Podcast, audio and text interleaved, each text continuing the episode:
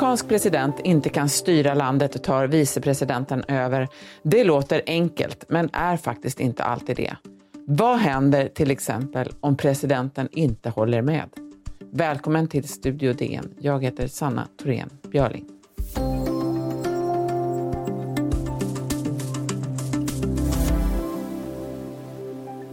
När Demokraternas presidentkandidat Joe Biden skulle utse sin vicepresident, då talades det mycket om att just det valet var viktigare än på länge. På grund av Bidens höga ålder anses sannolikheten hyfsat stor för att hans vicepresident faktiskt kan behöva gå in och styra landet. När president Donald Trump nu eh, insjuknade i covid-19 så väcktes frågan igen om vad som händer om han skulle bli riktigt dålig. Eh, Mikael Winjarski, du är utrikeskommentator på Dagens Nyheter. Hej! Hej, hej. Eh, enligt successionsordningen i USA så tar en vicepresident över makten om presidenten är ur spel. Och det har ju redan skett ett antal gånger i USAs historia. Kanske allra tydligast de åtta gånger som en president faktiskt har dött på sin eh, post. Eh, vilka, om man börjar där, vilka exempel har vi där när det faktiskt har hänt att någon har dött? Ja, det var ju ett antal, redan tidigt på 1800-talet var det ju några stycken. Men det första som var minns förstås, eller, eller känner till, det är när Abraham Lincoln, eh, presidenten, den republikanska, första republikanska presidenten, mördades på en teater 1865. Alltså det var bland, strax efter att segern i inbördeskriget mot sydstaterna och, mot, eh, och, och deras utbrytning. Han ersattes av en man som heter Andrew Johnson. Lustigt nog, alltså hans vicepresident. Av någon anledning så som jag inte har riktigt koll på, så var han faktiskt demokrat, Andrew Johnson. Sen, nästa, eh, sen kom de ganska slag i slag faktiskt. Morden på presidenter. Redan 16 år senare så eh, mördades James Garfield och efter ett halvår på sin post och ersattes av någon som hette Chester Arthur som var hans vicepresident. 20 år senare så var nästa presidentmord och då var det eh, William McKinley som mördades i september 1901 och då var det vicepresidenten Teddy Roosevelt som ersatte honom. Eh, och sen var det förstås, eh, som de flesta känner till, John Kennedy som mördades i Dallas i november 1963. Och då var det vicepresidenten Lyndon Johnson som gick in. De, I alla de fallen, så vitt jag vet, så var det ganska så att säga, eh, enkel enkel eh, succession där. Det var väl inga större kontroverser utan det stod så i författningen, USAs konstitution och så blev det också. Mm. Det är fyra mord och fyra som har dött av naturliga orsaker. Eh, bland dem fanns ju också Roosevelt. Eh, reglerna kring vem som styr, den står ju i USAs konstitution. Kan man säga något om, om vad det står där? Ja, du menar i vilken ordning successionen är då? Är det det du menar? Eller? Ja, alltså det, det liksom regleras ju där hur, man, hur, hur det där ska gå till eh, i ett 25 tillägg. Ja, just det. Eh, ja. Om, om, eh, alltså om vicepresidenten, eh, om, om det finns en vicepresident eh, så går denna, han eller hon in direkt då utan, utan några större åthävor och så skedde ju också i de här fallen som jag talat om. Om en, även en vicepresident av någon anledning skulle falla bort. Vi säger att Trump blir utslagen av covid-19 och Mike Pence blir utslagen av covid-19 eller av något annat skäl. Då, då, då, finns det alltså en successionsordning med listat i vilken ordning de är eh, ett antal, ja det är väl en lång lista egentligen, men de tre närmaste som kommer efter vicepresidenten, det är representanthuset i kongressen, dess talman, och det är för närvarande en demokrat som heter Nancy Pelosi. Eh, om av någon anledning, hon, hon är 80 någonting och som hon av någon anledning känner sig krasslig, så, så är det då övergår stafettpinnen till senatens ålderspresident, av som, alltså den äldste eh, som har majoritet, av det parti som har majoritet i senaten. Och det är den gubbe som heter Chuck Grassley och om han eh, inte heller, han är väl också så 87 eller något, och om, om, det, om, det, om det inte fungerar, då blir det utrikesministern som nu är Mike Pompeo. Det är lite spännande det här, för det, det är precis som du säger så har eh, det gått hyfsat smärtfritt, då, när, när, eller ganska enkelt, när, åtminstone när en president avlider. I andra fall så är det ju ofta så att man måste, presidenten, en president som lever måste ju liksom gå med på att lämna ifrån sig makten. Och eh, eh, det finns ett fall från eh, 1919 när Woodrow Wilson som president, då, han fick eh, han fick stroke, men han, eh, han var ju helt överarbetad. Dessutom var det ju spanska sjukan och det var, hade varit världskrig och allt möjligt. han hade jobbat hur mycket som helst. Han lämnade liksom aldrig ifrån sig makten riktigt. Så att I efterhand har det kommit fram att hans fru var egentligen den som skötte det mesta där under eh, flera veckor. Eh, men att en vicepresident då blir tillförordnad, det har ju hänt några gånger när, när presidenter har blivit opererade till exempel. Det har ju inte varit så komplicerat när man är under narkos så säger man okej, okay, under åtta timmar nu så får du sköta stafettpinnen här. Så var det ju för Ronald Reagan när han hade koloncancer. Men det var inte lika lätt när han eh, blev utsatt för ett mordförsök. Vi ska höra hur det lät då. Constitutionally, gentlemen, you have the president, the vice president and the secretary of state in that order. And should the president decide he wants to tr transfer the helm to the vice president, he, he will do so. As of now, I am in control here in the White House, pending return of the vice president, and in, in close touch with him. If something came up, I would check with him, of course. Al Haig eh, citerad av CNN här. Micke, berätta lite, vad är det här? Ja, Reagan blev ju skjuten alltså efter, bara någon månad efter att han hade tillträtt som president 1981. Och eh, fraktades blixtsnabbt till George Washington Hospital. Eh, han, de plockade ut en kula, han oper, var väl nedsövd, han opererades under några timmar. Men den gången, så, du, du nämnde det här författningstillägget det, som hette det 25 författningstillägget som antogs 1967. Det var, det var ju för att det skulle skapa en mekanism, inte för att presidenten dog, för då, då visste man vad som skulle hända, utan om han hamnade i ett läge där han inte kunde fullgöra sitt uppdrag. Och eh, den gången när han opererades då för, under det här mordattentatet, då gick inte makten tillfälligt över till vicepresidenten George Bush formellt. Det, fanns, det fattades aldrig något sådant beslut att det här 25 tillägget skulle träda i kraft. Och då blev det väldigt förvirrat allting.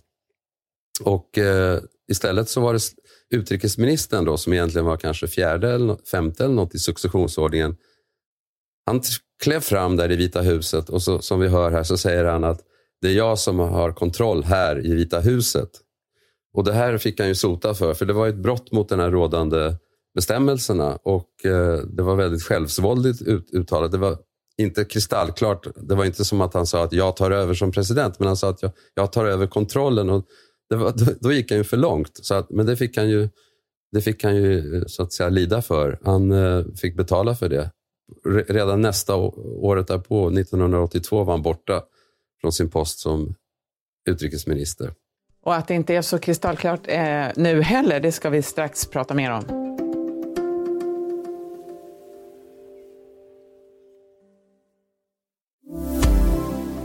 Vi pratar med DNs utrikeskommentator Mikael Winiarski om eh, vicepresidentmakten och vem som tar över om presidenten inte eh, kan jobba.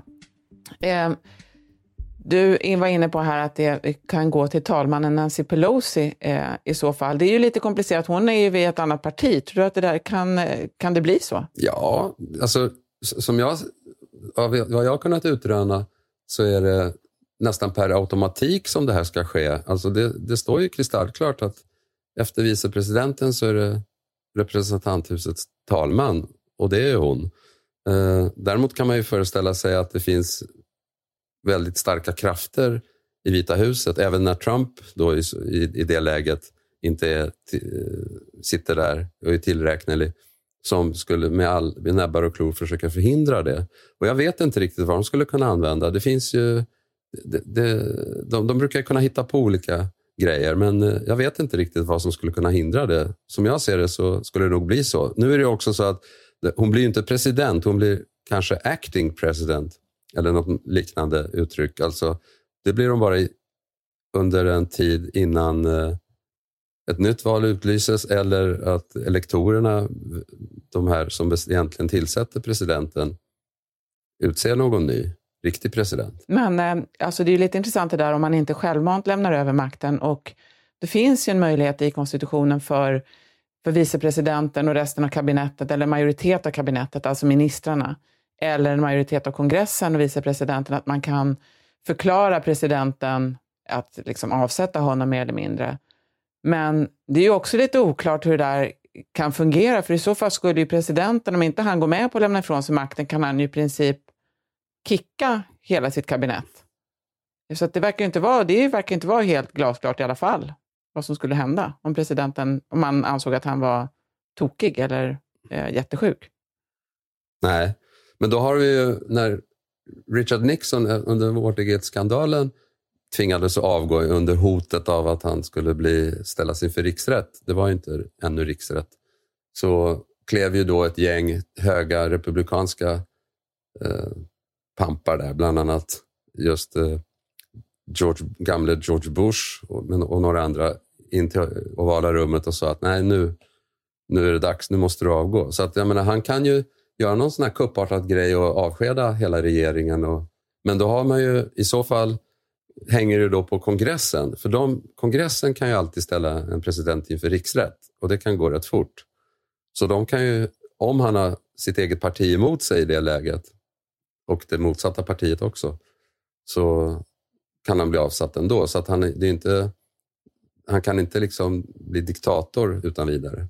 Men det är lite intressant det där att du säger också att det finns någon slags, det kan ju finnas en väldig rädsla i bland presidentens närmaste medarbetare som också är beroende av honom. Är det så även i andra länder? Jag vet att vi tidigare, eh, eh Micke, pratade eh, om Stalin. Kan inte du berätta vad som hände när han dog? Ja, alltså det är så, varför den tanken med, med Stalin kom upp i mitt huvud, det var ju för att det är så uppenbart nu i eh, vad som händer i samband med eh, Trumps coronasmitta, att eh, hela hans omgivning är ju livrädda för honom. Alltså till och med läkarlaget som man tycker skulle lyda under helt andra etiska regler och objektiva lagar och sådär anpassar sig totalt och, gör, eh, och säger precis sånt som han tycker är lämpligt om hans hälsotillstånd och så vidare och vrider till sanningen. Eh, och då kommer jag ju tänka på att när en sån auktoritär ledare eller diktator eh, hamnar i den där situationen med en, är sjuk och har en eh, livrädd omgivning. Och, och, det hände när Stalin dog. Jag vet inte, några eh, av, de här lyssnarna, av våra lyssnare kanske har sett den här fantastiska filmen Death of Stalin som handlar om hans sista dagar och vad som händer i, hela, i hans närmaste krets i samband med att Stalin dör. Det var, alltså, det var tidigt på morgonen 1 mars 1953. Stalin drog sig tillbaka efter en blöt fest på sin dacha och personalen fick instruktionen att de inte skulle störa honom innan han hade vaknat. Men nästa dag hördes ingenting inifrån det där rummet och så någon gång på vid lunchtid så gick en medarbetare in där och då låg Stalin på golvet medvetslös iklädd pyjamas och han hade vett ner sig då kallades Beria, som var chef för säkerhetstjänsten, NKVD, senare KGB, han kallades in, tittade på det här. Mannen som låg på golvet, slagrörd uppenbarligen, men han vidtog inga åtgärder. Så, sen dröjde det ytterligare något dygn innan det kom ett läkarlag och konstaterade att han hade drabbats av hjärnblödning. Och sen, då började de behandla honom, alltså ungefär två dygn efter att han hade hamnat mm. medvetslös på golvet. Och så två, två, tre dagar senare så var han död. Alltså hela omgivningen var helt skräckslagen. Och det kanske inte är riktigt så i, i Washington, men eh, det finns ju vissa element där som jag tycker är besläktade.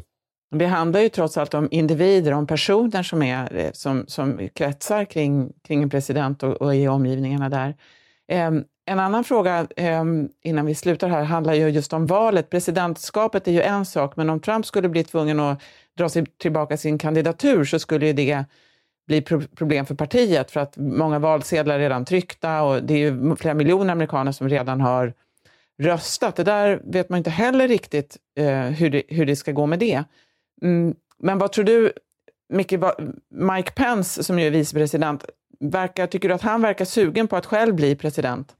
Allting pekar på att han har en långsiktig plan på att eh, bli försöka bli president. Och redan, han, han, han siktade på att försöka 2012 redan. Och sen eh, med 2016 så då var det inte riktigt aktuellt för då var det många andra starka som ställde upp. Till början stödde han ju inte ens Trump utan han stödde den Ted Cruz i, från Texas. Nej, men det tror jag absolut. Och, och, det är väl därför han har varit så extremt försiktig och legat lågt hela tiden. Han får absolut inte stöta sig med chefen och hoppas på att om nu Trump skulle vinna och Pence sitter kvar så har han ju ett ganska bra läge att efterträda, eller träda in som kandidat 2024.